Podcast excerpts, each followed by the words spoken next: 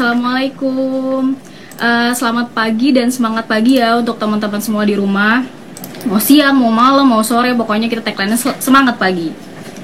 Oke, ini udah kita sambil nunggu teman-teman join juga di sini. Uh, apa kabar live friend semua? Oke, uh, uh, sekarang jam berapa sih ini? Jam 9 lewat 04 ya. Mungkin di sini ada yang mau mulai berjemur, mungkin di tempatnya ada yang udah ada panas, mau hunting vitamin D. Atau juga di sini uh, yang lagi WFH yang uh, baru kelar video call sama teman kantor. Boleh langsung join aja ke kita. Perkenalkan, saya Ayu dari BNI Love. Oh ya, di sini uh, kalau misalnya teman-teman walaupun masih di rumah, uh, lagi WFH juga, jangan lupa sering-sering uh, cuci tangan. Kalau misalnya habis megang benda apa atau habis masak di rumah, cuci tangan atau misalnya ternyata oh ada yang urgent nih harus keluar rumah, jangan lupa pakai masker, lindungi diri sama masker, bawa hand sanitizer juga. Dan kalau misalnya memang tidak ada hal penting untuk ke rumah eh, untuk keluar rumah di rumah aja jangan ke mana-mana. Oke jangan untuk teman-teman semua di sini jangan lupa uh, subscribe uh, channel YouTube BNI Live ID ada akun Facebooknya juga Instagram tentunya dan Twitter di BNI Live ID dan kita juga banyak yang udah sharing di podcast BNI Live kalau misal teman-teman sering banget tuh uh, dengerin Spotify sore-sore nunggu buka itu bisa banget langsung buka Spotify uh, cek ketik podcast BNI Live. Di situ ada banyak banget ilmu yang uh, teman-teman bisa tahu juga. Untuk wawasan, informasi, teman-teman produk pengen tahu produk apa aja sih yang ada di BNI Live, teman-teman bisa langsung ke website bnilive.id. Call center kita ada di 15.045. Kalau misalnya ada pertanyaan yang mendetail yang butuh informasi lengkap dari uh, teman-teman care di sini, teman-teman bisa langsung live chat di websitenya juga di situ. Oke, mungkin kita langsung aja. Di sini kita mau uh, ngobrolin tentang sama dokter, kita mau ngobrolin tentang uh, kesehatan kulit walaupun di rumah aja. Jadi walaupun di rumah kita nggak bukannya malah enak-enakan dengan kulit yang ah udahlah di rumah aja nggak kena polusi, nggak keluar rumah juga, cuma di rumah kena AC, sering kena AC itu nggak sering cuci, eh, cuci muka, terus pola tidur juga berantakan. Nah di sini kita akan bahas untuk kesehatan kulitnya. Kalau misalnya teman-teman nih ah kayaknya mau interaksi nih mau nanya teman-teman bisa langsung ke question box yang ada di samping kolom komen supaya komennya itu muncul dan teman-teman bisa lihat gitu karena kalau misalnya di sini uh, kadang suka kelewat juga tidak lupa mengingatkan untuk subscribe channel YouTube di BNI Live ID dan kalau misalnya teman-teman juga seringnya Instagram, akun Twitter, Facebook juga kita ada di situ ada informasi setiap di, di postingan ya. Ada informasi tentang produk juga, ada informasi tentang eh, kiat-kiat uh, menjalani WFH atau men, uh, menghindari COVID-19 juga di situ tersedia banyak banget. Atau mungkin teman-teman maunya pakai uh, website, sering-sering buka laptop juga, itu juga lebih banyak produknya di situ. Temanya di sini kesehatan kulit saat di rumah aja jadi teman-teman kalau misalnya di rumah jangan pernah lupa cuci tangan, cuci muka juga. Mungkin kalau misalnya perempuan ya suka ada krim-krim malam, skincare dan lain-lain hal itu jangan pernah di stop. Itu tetap harus digunakan walaupun kita di rumah aja. Oh ya, kita mau ngingetin banget nih mau ngasih tahu informasi yang lumayan. Jadi kalau misalnya Benny Life itu sudah mengcover COVID-19 produk kesehatan Benny Life. Oke. Jadi uh, tuh sekarang kayak tadi kan sempet panasnya itu menurun gitu ya jadi kayak agak teduh sekarang udah ada panas lagi mungkin teman-teman yang mau berjemur bisa langsung keluar rumah dan tetap di bawah handphonenya dan nonton IG BNI Live ID semoga teman-teman di sini sehat semua ya tidak mengurangi apa ya eh, walaupun di rumah aja banyak kegiatan bisa workout di rumah nggak melulu tentang tiduran rebahan main handphone tapi banyak hal yang bisa kita lakuin juga banyak banget di sini teman-teman. Aku nggak bisa nyapa satu-satu ya. Pokoknya intinya, halo Mas Simon. Tuh di sini udah banyak banget teman-teman yang kayak emang bukan cuma teman-teman, aku pun kayak perlu banget tahu informasi tentang kesehatan kulit ini sih. Karena kalau misalnya terus-terusan kita kan gak ada yang pernah tahu kapan COVID-19 ini berakhir, kapan kita terus-terusan di rumah nggak bisa keluar, PSBB juga. Jadi perlu tahu apa yang harus dilakukan apalagi sekarang lagi bulan Ramadan kita ada sahur ada buka puasa mungkin kita dehidrasi karena nggak minum juga dan ada perawatan kulit yang teman-teman kan kayak misalnya aku nih kalau misalnya lagi WFA gini lagi bulan Ramadan gini tuh biasanya tuh tidur tuh malah jadi jam 2 pagi baru tidur. Nanti jam 4 bangun lagi untuk sahur. Nanti kerja dulu kan karena WFH kerja dulu sampai sore nanti tidur lagi. Udah nggak berantakan banget untuk pola tidurnya katanya sih itu mem- mempengaruhi. Ya udah Halo, udah. assalamualaikum Udah. dokter. Udah ketemu. Halo, Ya oke ya. selamat pagi. Iya, perkenalkan saya Ayu dok. Iya, di Iya, Mbak Ayu, saya Wening. Iya, halo Mbak Uni, salam kenal ya dok. Nanti eh, dokter kabarnya gimana di sana? Sehat? Alhamdulillah sampai saat ini dan mudah-mudahan seterusnya sehat terus. Iya sehat ya dok ya. Eh, Teman-teman keluarga di rumah juga sehat dan di rumah sakit Hermina juga sehat ya. Alhamdulillah ya. Oke. sama. Dok mungkin kita langsung aja ya dok ya. Banyak banget pertanyaan Boleh, boleh. temen nih. Kita kan temanya di sini kesehatan kulit saat di rumah aja ya. Ini aku pribadi ya dok ya karena banyak banget keluh kesah saat di rumah aja tuh kayak kulit jadi lebih kusam. Terus kan kita sering cuci tangan juga nih dok. Sering cuci tangan terus buka Mm-mm. masker setiap hari setiap mau keluar. Bahkan kalau di rumah lagi ada beberapa keluarga pun kita tetap harus pakai karena khawatir gitu ya dok ya. Ada yang bersin tiba-tiba lupa pakai masker atau gimana. Jadi gatel atau gimana tuh mungkin ada kiat-kiat khusus atau apa ya eh, saran dari dokter gitu untuk kesehatan kulit di muka dan di tangan yang kering. Untuk tangan dulu ya, satu-satu ya. Dan memang kalau untuk cuci tangan ini satu pada masa wabah ini memang harus kita kerjakan. Kapan harus cuci tangan itu yang harus pas. Karena kalau kita terlalu sering cuci tangan yang tidak diperlukan itu yang akan menimbulkan masalah-masalah kulit pada tangan kita. Nah, orang-orang yang perlu cuci tangan adalah yang eh, sudah melakukan kontak misalkan bepergian keluar rumah, naik kendaraan umum, ya keluar rumahnya mungkin memang harus harus karena kita WFH kan nggak boleh ke mana-mana, mungkin mau belanja kebutuhan sehari-hari, begitu sudah sampai rumah cuci tangan dengan menggunakan sabun. Nah, sabun ini sampai saat ini memang dianjurkan dari pemerintah dan juga dari WHO Mm-mm. karena terbukti efektif, dia bisa menghancurkan eh, virus corona ini. Mm-mm. Nah, eh, pemakaian sabun yang berulang-ulang eh, itu bisa menimbulkan beberapa keluhan kulit memang berupa kulit yang kering. Tetapi kalau kita kerjakan eh, dengan waktu yang pas, tidak terlalu sering pada orang dengan kulit yang normal sebenarnya tidak akan ada masalah. Masalah itu terjadi ya kalau satu tadi terlalu sering, yang kedua memang sudah ada kecenderungan di diri orang tersebut dia punya sifat atau punya kelainan kulit yaitu biasanya orang-orang dengan kulit yang atopi. Ya kulit atopi itu dia eh, ada kelainan tidak bisa eh, tidak mampu membuat pelembab dengan sempurna sehingga kulitnya kering ditambah dengan air kemudian ditambah dengan sabun. Beberapa sabun eh, dia mengandung apa iritan ya. Air itu sendiri juga merupakan iritan sehingga kulitnya menjadi kering. Nah solusinya yang selain yang satu tadi mencuci Hmm. tangan pada saat yang tepat adalah yang nomor dua memilih sabun. Nah pemerintah sendiri kan sudah mengatakan semua jenis sabun itu efektif untuk membunuh corona. Jadi untuk orang yang tahu bahwa kulitnya kering pakailah sabun yang plain atau sabun yang mengandung pelembab. Kemudian gitu. hindari sabun-sabun. Iya, untuk sabun antiseptik Jadi dia pemilihan sabunnya untuk ya Betul sekali. Hmm. Tuh. Terus yang nomor tiga adalah mengoleskan pelembab sesuai jenis kulit setelah kita selesai mencuci tangan dan sudah dikeringkan terlebih dahulu. Itu salah satunya. iya terima kasih Mbak dok. Hmm. kalau misalnya nih dok kan kadang kan kita kayak khawatir juga ya dok. Jadi nggak keluar pun nih kita habis megang handphone terus kita mau megang piring misalnya di rumah cuci tangan lagi. Itu nggak apa-apa nggak sih? Atau berlebihan menurut dokter? Menurut karena takut Kalau kita di rumah Ya, ini kayaknya permasalahan semua orang seperti itu ya, Parno gitu. Ya. eh, kalau kita di rumah, ada ibu rumah Oke, ada ibu rumah tangga yang eh, kena covid nih yang akhirnya positif. Cuma padahal cuma di rumah aja jadi tuh bikin kita wah lebih khawatir lebih was was lagi tuh. Kok jadi kalau mereka apa apa cuci tangan lagi cuci tangan lagi. Tapi akhirnya bahaya juga. Betul. Dan sebaiknya sih kalau kita memang di rumah kita yakin bahwa rumah kita itu hanya kita tinggali kita ya keluarga ya suami istri putra putri mungkin kakek Ya. nenek tidak ada orang luar yang masuk dan kita semua insya Allah sehat tidak perlu yang seperti itu yang Ya. penting adalah eh, rumah dibersihkan secara rutin saja dipel gitu Berarti ya Eh, alat piring ya dok ya seperti biasa iya heeh, Hmm. gitu. Oke, kan tadi uh, sempat dokter bilang uh, lebih baik menggunakan hmm. sabun gitu ya dok ya, karena uh, itu juga sebagai hmm. apa sih lebih ampuh gitu ya untuk menghilangkan kuman di tangan.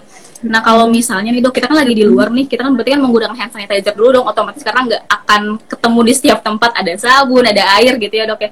Itu pas di rumah kita harus cuci tangan ya, lagi, lah udah cukup pakai hand sanitizer gitu, kumannya mati kok gitu. Apa gimana dok? Memang uh, sabun dan hand, san hand sanitizer itu masing-masing ada kelebihan dan kekurangannya. Uh, sabun dia lebih uh, dianjurkan Salah satunya karena memang daya bunuhnya dia optimal, ya dia mampu merusak lapisan lemak di dalam selubung okay. paling luar dari virusnya, ya. Cuman sayangnya karena memang dia sifatnya adalah satu eh, bagian sabun itu ada dua, kepalanya dia yang suka air, dia mengikat air, dan ekornya dia mengikat lemak.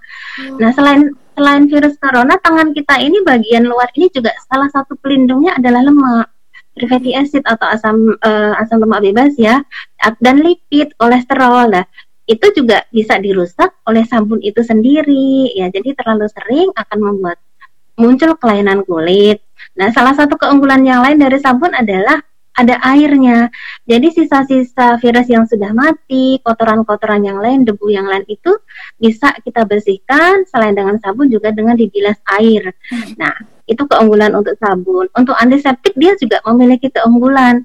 Yang pertama adalah mudah dibawa ke mana-mana seperti yang tadi yeah. Mbak Ayu bilang ya. kalau kita kerja uh, lagi di mobil, di angkutan umum nggak mungkin lah bawa-bawa ember ya. Oh, air galon. ya. Iya gitu. Jadi ya cukup dengan antiseptik dan antiseptiknya harus yang berbasis alkohol dengan konsentrasi 60 sampai 80 tidak dianjurkan memakai alkohol 100% ya. Karena, karena ya. untuk Iya, untuk membunuh uh, virus itu alkohol itu bekerja dengan denaturasi protein. Nah, untuk denaturasi protein itu membutuhkan lingkungan yang lembab salah satunya adalah dari air. Jadi cukup 60 sampai 80%. Nah, keunggulannya selain masalah lokasi tidak butuh air adalah penelitian mengatakan kalau antiseptik atau hand sanitizer dengan basis alkohol itu relatif lebih bersahabat dengan kulit kita oh, iya. dibandingkan iya. dia lebih ngerti kebutuhan kulit. Ya, tetapi Iya gitu, dia lebih bersahabat. Kemudian, tapi harus diperhatikan bahwa kita pakai hand sanitizer itu harus rata semua tangan, jangan cuma cicit cicit Iya, yang penting kena, sementara bagian lain. Biasanya cuma gitu ya dok ya. Iya. Penting bas gitu dan tidak tidak perlu dibasuh air lagi hand oh. sanitizer oh. kalau sudah pakai dengan cara yang betul dengan waktu minimal 20 detik sudah cukup. Oke, itu insya Allah kumannya hmm. Pergi lah ya dok ya. kalau misalnya pakai. Iya, insya Allah. Dok, tadi kan untuk tangan udah nih, uh, alhamdulillah kita udah dapat informasi dari dokter nih yang sangat bermanfaat. Kalau misal untuk muka nih, kalau masker tuh kadang aku juga di kantor udah pakai masker terus aja gitu. Ini karena lagi ngomong sama dokter dan di sini juga kebetulan tidak banyak orang, jadi nggak pakai masker. Bahaya nggak tuh dok? Atau kayak tipe-tipe uh, apa tuh kainnya kayak gimana yang nggak bahaya buat muka. Karena kan kita memang lebih lebih ramah sama misalnya lebih sering menggunakan masker daripada yang lainnya gitu ya. Ada yang pakai yang mungkin kalau misalnya kayak tenaga medis dokter menggunakannya kan yang uh, warna biru gitu tuh ya. Kalau misalnya kita kan pakai yang kain dulu ya. Nah menurut dokter iya, itu ada mungkin ada informasi nggak yang perlu kita tahu tentang masker yang nggak bahaya? Nomor satu adalah uh, untuk masyarakat umum yang sehat cukup pakai masker kain nomor satu. Biarkanlah masker bedah seperti yang saya pakai ini hmm. apalagi masker N95 itu uh, dipakai oleh tenaga medis ya. Perlu itu supaya nggak mahal harganya. So, yang kedua, memang masker ini pada orang-orang dengan balik lagi nih kulit sensitif nomor satu, nomor dua, kalau dipakai terlalu lama, melebihi batas waktu yang dianjurkan, memang bisa menimbulkan kelainan kulit, awalnya iritasi.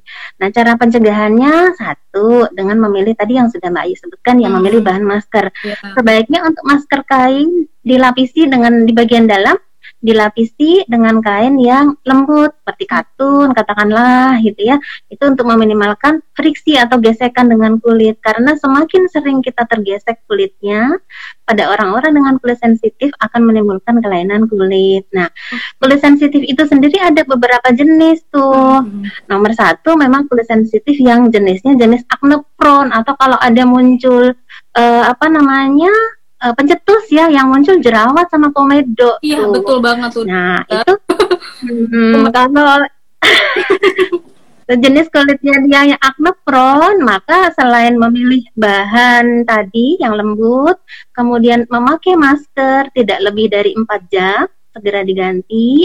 Kemudian maskernya kalau udah kita pakai dicuci dengan sabun, dijemur, dikeringin, sebaiknya tidak di, eh, menggunakan pewangi nih, pewangi-pewangi yang disemprot maupun direndam karena iya, karena memang beberapa orang, tidak semua, tapi beberapa orang dengan kulit yang sensitif ada yang memiliki kecenderungan untuk alergi terhadap bahan-bahan pewangi, itu Betul, sebaiknya dihindarin.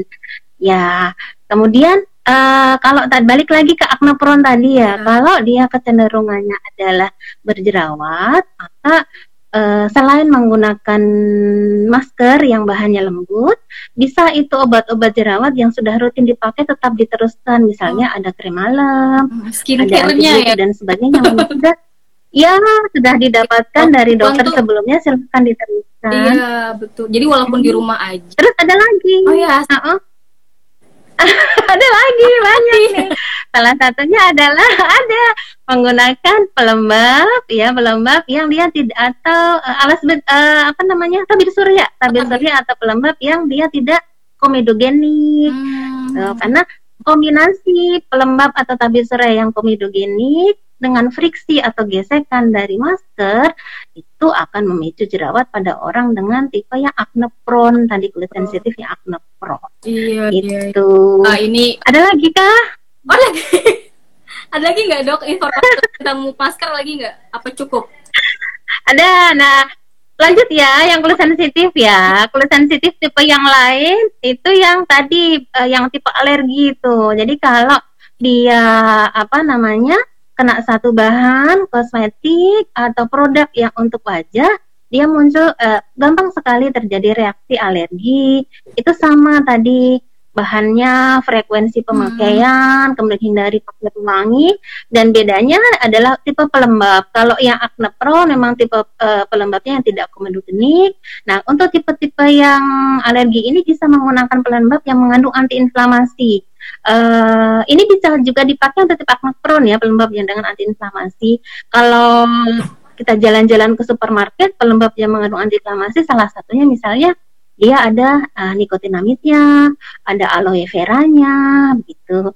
Tuh, terus tipe kulit sensitif yang lain itu yang tipe rosacea dan tipe yang gampang kulitnya nggak merah, Hmm. tapi rasanya kok gatel sama ada ada perih-perih. Oke. gitu. Tapi kulitnya biasa-biasa aja. Ah, banyak nah, kayak itu gitu. ada yang seperti itu. Betul. Nah, itu sama ya eh, frekuensi pemakaian masker, jenis masker ditambah dengan pelembab yang ada antiinflamasinya. Nah, itu. Oke. Oh iya satu lagi lupa. Pemilihan sabun ya. Balik lagi sabun nih. Ya, nih, Iya kan dong. kita kalau pakai masker pulang kan tetap cuci muka ya, cuci Iya, muka mandi betul. gitu deh. Pilih sabunnya harus sabun yang sesuai jenis kulit. Kalau dia acne prone, eh, sabunnya boleh yang untuk kulit sensitif cenderung berjerawat. Kalau yang tipe rosacea yang merah tuh wajahnya gampang merah sama gampang rasa terbakar, jangan pakai sabun yang ada scrub Oh, ya karena sabunnya ada scrubnya ya itu justru akan membuat kulit menjadi lebih sensitif. Tuh, itu saja. Kalau misalnya nih dok ada muka yang cepat beruntusan nih, ini sebenarnya curhat sih dok. curhat. Jadi suka beruntusannya tuh ya, kalau ada ada banget tuh. Ini tuh karena makanan apa karena masker? Aku juga bingung sih ya dok ya. Mungkin tuh harus- jadi aku nggak boleh pakai yang ada apa sih tuh kayak eh, busanya gitu ya dok yang nggak boleh ya? Apa gimana? kalaupun ada busanya dilapisi dengan katun atau kain yang lembut itu tidak masalah karena yang paling penting kan yang ter apa namanya bersentuhan dengan kulit kita ya kalau bahannya lembut insya Allah tidak akan menimbulkan iritasi Oke. Eh, kecuali kalau itu udah bahannya tebal kemudian dipakainya berjam-jam ya lebih dari empat jam karena dia akan oklusi oklusi itu kalau bahasa Jawanya ngelekep oklusi itu akan men- ya itu Iya, iya. akan eh, bisa memicu jerawat atau beruntusan komedo ya Hmm. Oke dokter, kalau misalnya dok kita kan lagi lagi apa ya eh, butuh banget vitamin gitu ya dok ya vitamin D khususnya otomatis kan kita harus berjemur juga nih dok. Nah kalau misalnya berjemur itu kan di informasinya ya katanya pagi kayak jam 9 sampai jam 10 gitu ya. Nah itu tuh kita perlu pakai ya sunscreen dulu nggak sih? Atau kayak ya udah abis eh, misalnya bangun tidur nih kan udah udah habis biasanya sholat subuh tidur tiduran dulu tuh dok abis abis sahur ya biasanya. Nah kita bangun kita langsung aja keluar gitu atau oh ya siap-siap dulu cuci muka pakai sunscreen dulu atau gimana tuh dok? Kan mau ketemu matahari tuh. Ya, kalau kita tujuannya untuk mendapatkan vitamin D eh, dari matahari, itu eh, banyak hal yang harus diperhatikan. Eh, se- sebelum kita masuk ke tabir surya ya, yang nomor satu adalah bahwa eh, sinar matahari yang kita butuhkan untuk meningkatkan vitamin D itu adalah ultraviolet B. Karena ultraviolet ada macam-macam ya, ada A, ada B, ada C gitu ya, ada juga eh, sinar tampak dan yang lain-lain. Nah, yang yang targetnya nyampe di pembentukan vitamin D itu adalah ultraviolet B. Nah, ultraviolet B itu adalah salah satu sinar matahari dengan panjang gelombang yang relatif lebih pendek dibandingkan dengan ultraviolet A. Kemudian dia eh, tertahan oleh awan mendung gitu ya, dia tidak mencapai bumi dengan optimal sehingga jam kapan kita harus berjemur itu harus pas. Pada pagi hari karena panjang gelombang ultraviolet A itu lebih panjang, kan posisinya miring gitu ya, matahari sama tempat tinggal kita. Iya. Itu yang ada banyak adalah ultraviolet A. Sehingga kalau kita targetnya adalah mendapatkan ultraviolet B untuk jam 6, jam 7, jam setengah 8 masih kurang. Kalaupun bisa butuh waktu yang lebih lama. Nah, yang optimal beberapa penelitian mengatakan ultraviolet B itu paling optimal di jam 10 sampai jam 2. Akan tetapi ada tetapinya nih. Tetapi matahari itu selain ada efek positif, dia juga ada efek negatifnya ke kulit kita. Oh. Salah satunya pada ultraviolet B adalah burning atau terbakar, merah gitu ya eritema bahasa medisnya. Nah, eritema ini atau terbakar ini adalah salah satu tanda dari kerusakan DNA. Dan kerusakan DNA itu bisa memicu terjadinya kanker kulit. Jadi tidak disarankan Ini kita iya tidak Iya, disarankan melakukan Iya maaf dok, ada rumor gitu kan bisa kanker kulit juga ya katanya kalau misalnya berjemur itu juga kan iya kalau yang awam kayak aku gini nih bingung gitu kok bisa. Dokter maaf dok, ini ada pertanyaan nih. Tadi kan aku udah bilang kalau misalnya ada pertanyaan boleh nih di question boxnya. Nah ini ada pertanyaan nih dok dari teman kita dari Henaria. Mm-mm. Di sini eh, informasinya itu gimana tips sebentar. Gimana tips menjaga kulit yang bekerja di ruangan AC selama bulan Ramadan atau puasa? Mungkin bisa langsung dijawab dok. Boleh. Eh kalau kita puasa, puasa sendiri kan kita eh, kebutuhan airnya jadi mungkin beberapa orang tidak terpenuhi dengan sempurna ya. Jadi nomor satu selama puasa tentunya eh, air 8 gelas per hari itu kita penuhi di pada saat sahur, pada saat buka dan mungkin menjelang tidur dibagi saja misalnya pagi dua gelas, eh, saat sahur, kemudian buka dua gelas, sisanya Hmm. nanti di waktu-waktu di antara eh, berbuka dan sahur itu nomor satu. Yang nomor dua karena eh, kelembaban yang rendah pada tempat-tempat yang ber-AC, kadar air yang rendah itu akan membuat penguapan semakin banyak sehingga kulit kita cenderung menjadi lebih kering. Kalau kulit kita kering, gampang terjadi tadi iritasi. Kalau orang punya bakat alergi ya gampang terjadi alergi. Ya kalau di wajah ya tadi balik lagi ke kelainan kulit pada kulit sensitif tadi ya. Jadi sebaiknya suhu AC dijaga supaya tidak terlalu dingin. Yang penting kita merasa nyaman nggak keringetan. Seperti itu. Oh. Terus eh, gunakan selalu pelembab ya sesuai jenis kulit pada wajah, pada tangan, di tempat-tempat yang memang tidak tertutup eh, oleh pakaian kita. Itu aja sih. Oke, ini infonya wah luar biasa banget nih dokter nih. Berarti kalau misalnya kita tetap harus jaga kelembapan kulit, jadi AC-nya itu jangan terlalu kenceng yang bikin menggigil juga ya dok ya. Jadi cukup nggak keringetan aja. Iya, Gitu. sedang-sedang ya.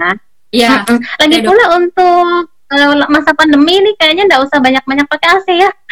Iya benar-benar. Tapi kadang suka gerak kalau nggak pakai. Oke dok, ada pertanyaan lagi nih dok. Kalau misalnya eh, kita kan udah mulai udah lama sih ya dok work from home juga ya udah WFH gini. Kita dua kali itu tiga kali sih. Kalau misalnya nggak keluar rumah kan kadang, aduh males deh mandi di rumah doang kok. Apa ada kalau misalnya mandi kali atau dua kali mungkin minimalnya Oh ya. Untuk mandi saya sarankan tetap ya dua kali ya pagi sore. Satu kita di daerah tropis tuh di daerah tropis ini eh, relatif kadar airnya tinggi lembab sehingga kalau keringatnya banyak muncul itu bakteri itu jamur gampang sekali muncul di tempat-tempat dengan iklim yang seperti kita di negara kita. Nomor satu itu.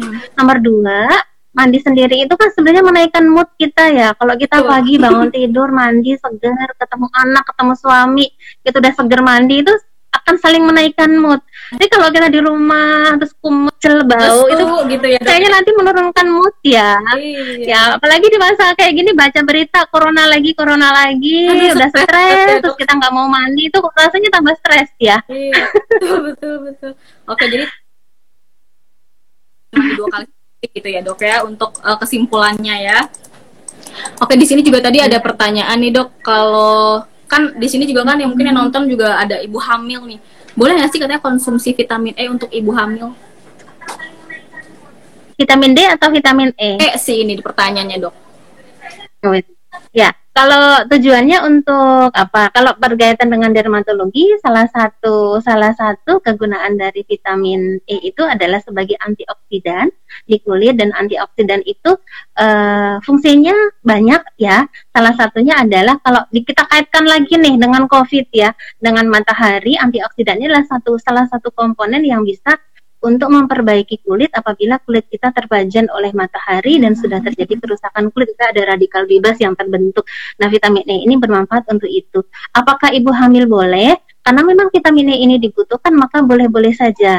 Tetapi saya minta tetap konsultasikan dengan dokter kandungan seberapa banyak vitamin E yang dianjurkan untuk ibu hamil karena vitamin E ini adalah salah satu vitamin yang terikat pada lemak bersama dengan vitamin A, vitamin D dan K sehingga kalau kita konsumsi berlebihan melebihi batas yang dianjurkan ada resiko toksisitas. Oke, berarti kalau misalnya dikonsumsi berlebihan juga ada resikonya gitu ya dok ya. Oke dok, aku mau Iya. nanya nih, dok nih. Eh, tapi sebenarnya nggak ada yang nanya sih di situ.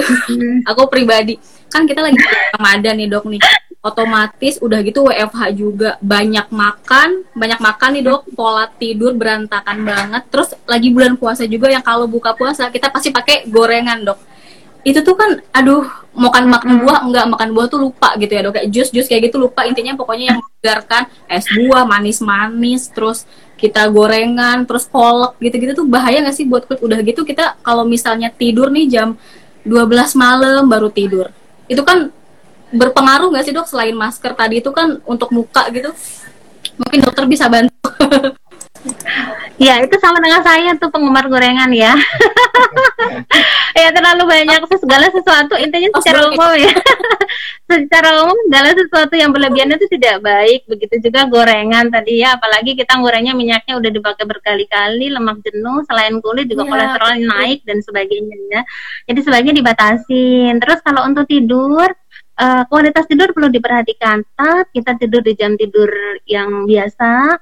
Ya, kalaupun tidur siang boleh, tetapi tidak boleh melebihi eh, apa namanya kebiasaan satu jam cukup dua jam, eh, jangan lebih dari itu karena nanti akan membuat kita kesulitan tidur di malam hari. Manusia itu sudah diciptakan dengan eh, dengan pas oleh yang maha kuasa eh, bahwa malam hari itu adalah tempatnya waktunya istirahat, sel-sel kita istirahat, tidak kena sinar matahari, tidak kena sinar lampu, regenerasinya itu dimulai pada saat kita tidur. Jadi pada saat kita tidur itu sel-sel kita nggak nggak tidur, tapi mereka beregenerasi, menanya rusak diperbaiki, diperbaiki. Sehingga kalau kita banyak begadang, kurang tidur, otomatis itu regenerasi itu akan terganggu. Ya kulit jadi kusam jadinya. Gitu. Iya, betul banget, Dok. Oh, berarti tetap harus dijaga ya. Mungkin lebih sering makan buah, Iya. makan sayur gitu ya, Dok ya. Betul, iya. Atau kita lebih Buat ya? pencernaan juga lebih bagus kalau buah sayur ya, BAB-nya lancar. Iya, betul. Kalau misalnya nih, Dok, kita eh, apa ya?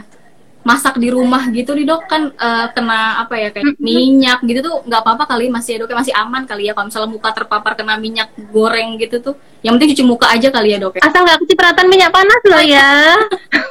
kalau bahaya ya Asal nggak kecipratan nggak apa-apa. Boleh kok. Nanti kalau kita nggak masak nggak goreng, suami protes ya, anak Iya. protes ya. makan di luar ya.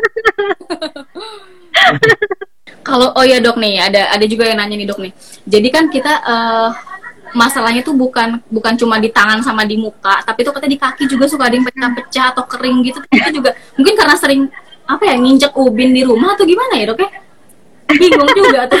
ya kulit kulit kering itu sebenarnya untuk yang di kaki itu sebenarnya prosesnya mirip-mirip dengan yang di tangan. Jadi ada Oh. beberapa faktor. Satu faktor dari luar, yang kedua faktor predisposisi atau kecenderungan dari dalam. Kalau faktor dari dalam itu tadi yang memang kulit kita diciptakan sensitif. Kalau kulit sensitif yang di kaki dan di tangan dia hubungannya nanti dengan atopi ya. Atopi yang tadi tuh eh, tidak bisa membentuk pelembab dengan sempurna sehingga antar sel ini dia cracking. Kalau cracking Oh. maka eh, ada bahan-bahan dari luar yang sifatnya iritatif itu akan lebih mudah masuk menimbulkan reaksi peradangan gitu ya. Itu Hmm. orang-orang yang punya predisposisi atau punya kecenderungan. Yang kedua faktor dari luar. Faktor dari luar salah satunya satu wet work atau orang-orang yang banyak bersentuhan dengan air. Terlalu lama bersentuh air saja tanpa deterjen Hmm. itu kalau kita terlalu lama bersentuhan itu akan membuat kulit kita bagian epidermis bagian atas itu maserasi maserasi itu terangkat ya terangkat terkelupas nah kalau dia dikeringkan dengan cara cepat jadi habis berendam lama kemudian keringin cepat akhirnya kulitnya menjadi cracking menjadi terbelah ya Iya. dan itu yang perih yang suka belah-belah begitu perih Betul, itu yang betul. terjadi nomor dua yang faktor dari luar adalah udah kena air kena deterjen lagi. Deterjen Eh, itu kan tujuannya memang eh, tujuannya tadi ya dia ngilangin lemak kan. Nah lemak di kulit kita pada eh, pada rusak akhirnya terjadi iritasi. Kalau itu terjadi terus terus kemudian lupa bersihin nih Iya. habis deterjen yang nempel di tangan itu akan memperparah kelainan kulit seperti kulit yang pecah-pecah. Solusinya gimana solusinya satu. Kalau kita sudah tahu bahwa kulit kita cenderung kering maka gunakanlah pelembab. Sebelum ber- eh, terkena air maupun setelah terkena air itu nomor satu. Eh, beberapa juga eh, pendapat ya menyarankan de- untuk baju terutama deterjen cair itu lebih sedikit meninggalkan sisa di baju kita dibandingkan kalau kita menggunakan deterjen eh, ter- deterjen yang serbuk Hmm. ya karena kalau ada ketinggalan sabun di sana kan bisa bikin iritasi jadi itu Iya, lebih dianjurkan dok. Oke dokter nih ada pertanyaan lagi nih dok nih. Eh, Apa aku sampein dulu ya. Nih dok, Mm-mm. bagaimana menjaga kulit tangan yang suka berkeringat atau basah? Oke. Mungkin ini maksudnya kalau untuk kesehatan kulit tangan pergi-pergian kali ya dok ya atau di rumah juga? Ya, mm-mm. Emang ada beberapa orang yang apa dianugerahi dengan kelainan kulit yang gampang sekali berkeringat. Iya iya. Kalau kita normalnya berkeringat itu di telap eh, kalau kita apa namanya lagi misalnya cemas gitu ya atau ketakutan gitu ya mau ujian, Hmm. nah itu baru berkeringat Atau yang mau ketemu yang banyak gitu ya. Iya. Betul ya. misalnya. Tapi ada beberapa orang yang dianugerahi dengan kelainan dia nggak ngapa-ngapain aja telapak tangan dan kakinya berkeringat dan kelainan itu kita sebut dengan hiperhidrosis. Memang kalau eh, ada kelainan seperti ini tergantung derajatnya. Kalau derajatnya dia ringan ya cukup sediakan pengering ya, mungkin tisu, kain atau apa untuk dilap segera mungkin. Itu kalau mau pakai pelembab maka jangan pilih pelembab yang bukan basisnya minyak karena nanti akan membuat kulit menjadi lebih tertutup dan lebih basah begitu ya Iya. itu hindarkan eh, Terus kalau berat sekali, memang itu mengganggu sampai nggak bisa pegang pulpen, sampai nggak bisa pegang kertas, maka saatnya untuk menghubungi dokter Anda. Gitu. Oke, berarti kalau misalnya tangannya berkeringat itu nggak boleh yang tidak mengandung minyak gitu ya dok ya? Sebaiknya dihindarin yang minyak. Kita pelembab Oke. itu kan sebenarnya ada ada tiga jenis tuh Mm-mm. pelembab tuh secara umum ada tiga.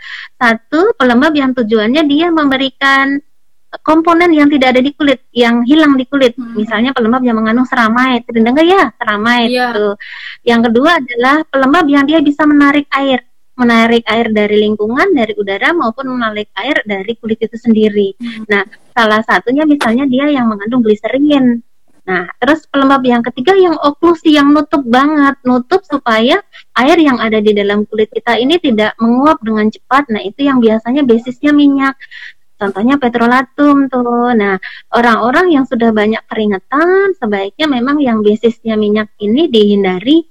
Pilihlah pelembab yang basisnya eh, seram, eh, apa namanya, yang mengisi tadi, atau yang sifatnya eh, menarik air masih diperkenankan. Oke, iya ya, Oke, udah terjawab banget tuh ya dokter ya. Coba aku cari lagi pertanyaan lain ya dok ya. Ini, bentar ini udah.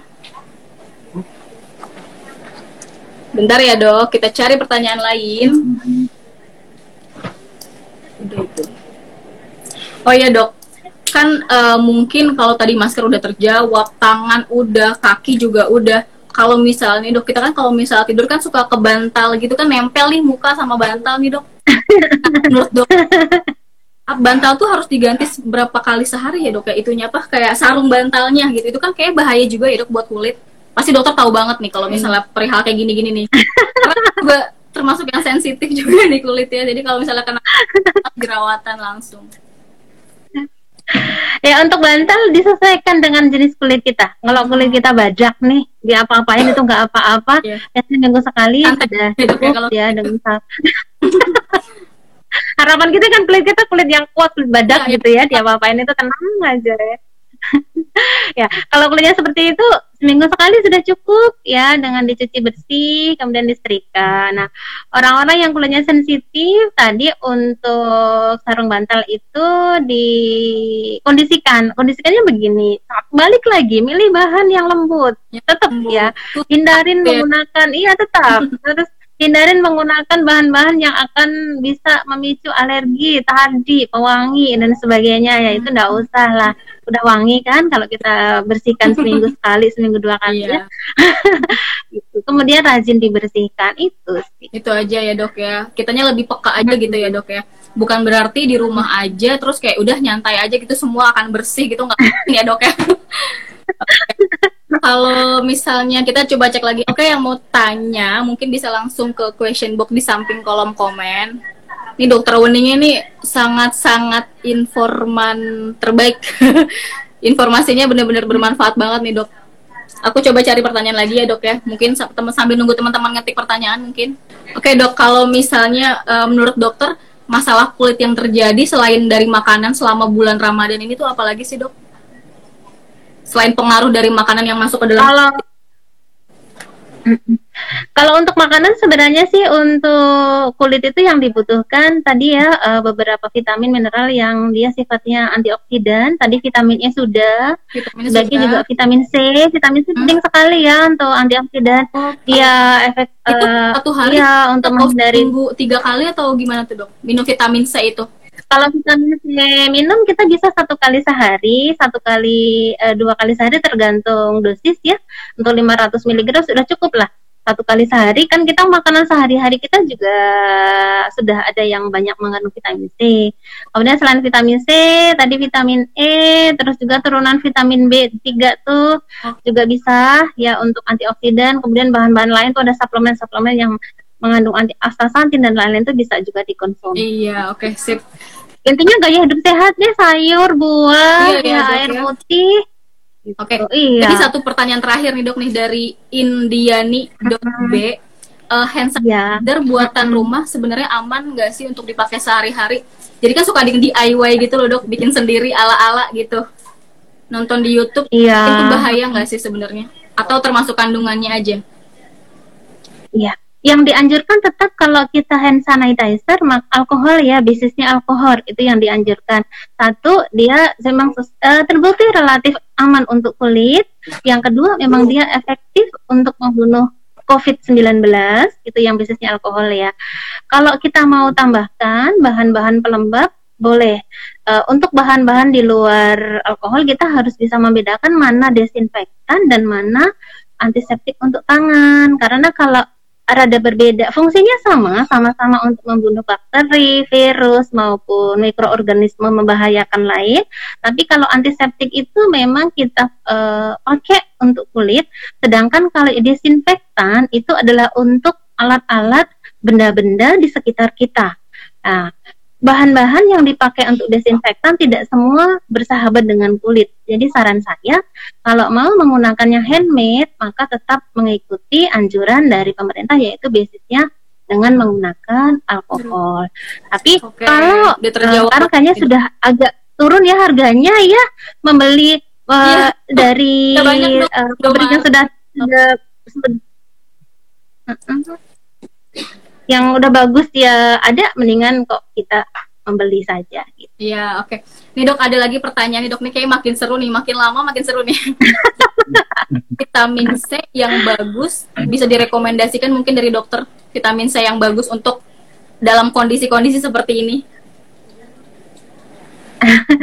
untuk vitamin C yang dianjurkan yang non asidik ya, uh, tapi mungkin sekarang rada sulit mencarinya ya. Kemarin saya keliling-keliling itu susah sudah mulai susah dapat vitamin C ya uh, tidak masalah vitamin C yang apa pun asal tidak punya keluhan di lambung, yang minum vitamin C yang ada di apotik, itu lambung kita tidak bermasalah, maka silahkan dikonsumsi.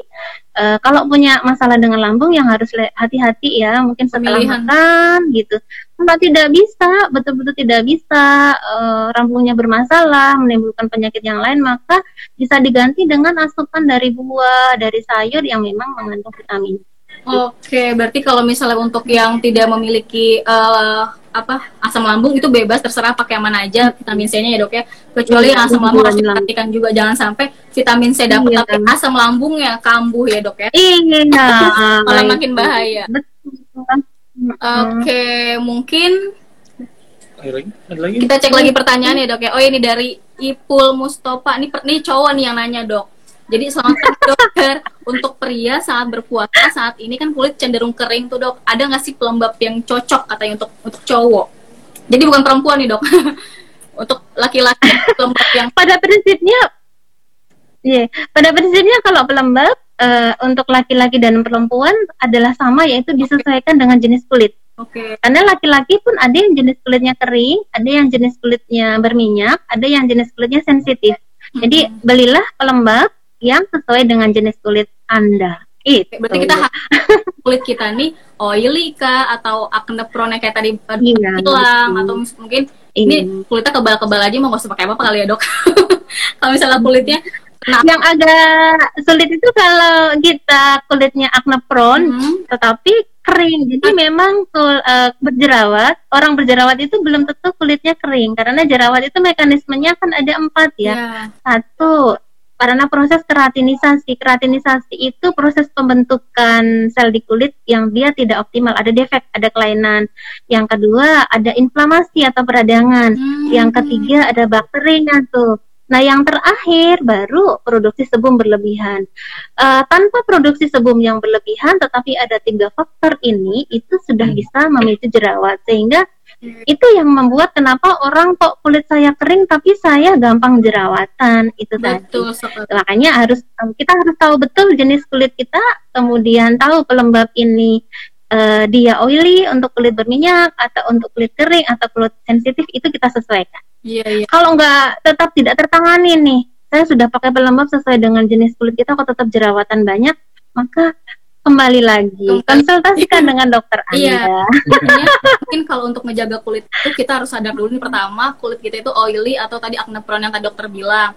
Terus jangan mungkin jangan yeah. sembarangan pilih krim, pilih pelembab di yang dijual di online shop gitu kali ya dok ya. Mungkin yang terbaik tuh kita harus ke dokter dulu. Pastinya kita ke dokter uh, yang ada di Reserminain dokter Wening ya. Kita dokter. Nah, saya ada banyak teman oh, di sini kok. nanti ternyata dapat informasi dari dokter yang uh, dokter kulit yang memang uh, ahli baru nanti kita mungkin bisa beli gitu ya dok ya. Mungkin nggak sembarang pilih supaya kulitnya baik-baik aja. Gitu. Mungkin ini udah cukup udah. kali ya. Ini udah. Ini udah coba kita like dulu. Oh iya. Ini tadi udah sih. Udah, oh, udah sih untuk beruntusan tadi kan kita lihat lagi ke dalam kulitnya itu apa aja ya dok ya kalau misalnya untuk tadi ada soalnya udah dijawab di awal Oke, mungkin kita cukupkan nih dok, supaya nanti nggak mati otomatis ya. Jadi kita cukupkan. Mm-hmm. Terima kasih banget dokter Wening untuk informasinya, sharingnya juga tadi seru banget obrolannya. Mungkin kapan-kapan kita boleh ya dok ya, ketemu terus ngobrol langsung sama dokter lain gitu ya dok. Boleh boleh kalau Mudah-mudahan corona segera berakhir ya, Mbak Ayu, biar bisa ketemu face to face ya. Amin. Dokter dan keluarga semoga sehat, terus pekerjaannya lancar juga di rumah sakit, jaga kesehatan Amin. ya dok ya, semoga dijauhkan dari hal yang tidak diinginkan. Oke dok. Amin ya rabbal alamin. Banyak ya dok. Mungkin kita bisa sama-sama. Oke. Okay. Dadah dokter. Dadah.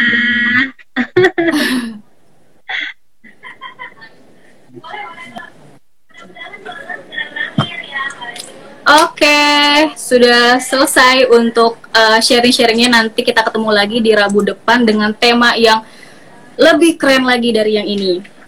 Jadi, oke, okay, terakhir jangan lupa subscribe channel YouTube Benny Live ID, akun Instagramnya, akun Facebooknya, Twitternya, dan jangan lupa kalau misalnya sering dengerin Spotify di sore hari, teman-teman harus ketik podcast BNI Live karena di situ ada banyak banget informasi yang teman-teman mungkin perlu tahu juga karena kan kita sering banget tuh dengerin uh, Spotify juga jangan yang lain-lain terus podcast BNI Live pokoknya podcast BNI Live. Oh ya kalau misalnya teman-teman tadi melewatkan informasi di awal jangan sampai uh, teman-teman ketinggalan yaitu kalau misalnya BNI Live sudah mengcover COVID-19 untuk produk kesehatannya. Kalau mau informasi lebih lanjut bisa langsung ke website bnilive.co.id kalau misalnya butuh informasi cepat bisa ke live chatnya. Di situ bisa langsung dibalas sama customer care kita.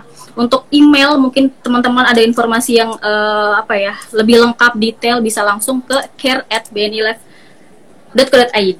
gitu. Oke terima kasih banyak yang udah bergabung. Uh, kalau misalnya teman-teman tadi lupa lagi sama informasi yang saya sampaikan sebelumnya, BNI Life mengcover BNI Life asuransi kesehatan mengcover BNI uh, uh, COVID-19. Jangan lupa ya.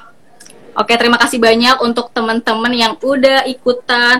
Pokoknya Rabu teman-teman yang di sini harus ikutan lagi ya. Jangan sampai uh, ketiduran atau mungkin sibuk sama uh, laptop dan lain-lain. Pokoknya langsung uh, klik BNI Live ID di Instagram supaya nanti kita bisa ketemu lagi di Rabu depan.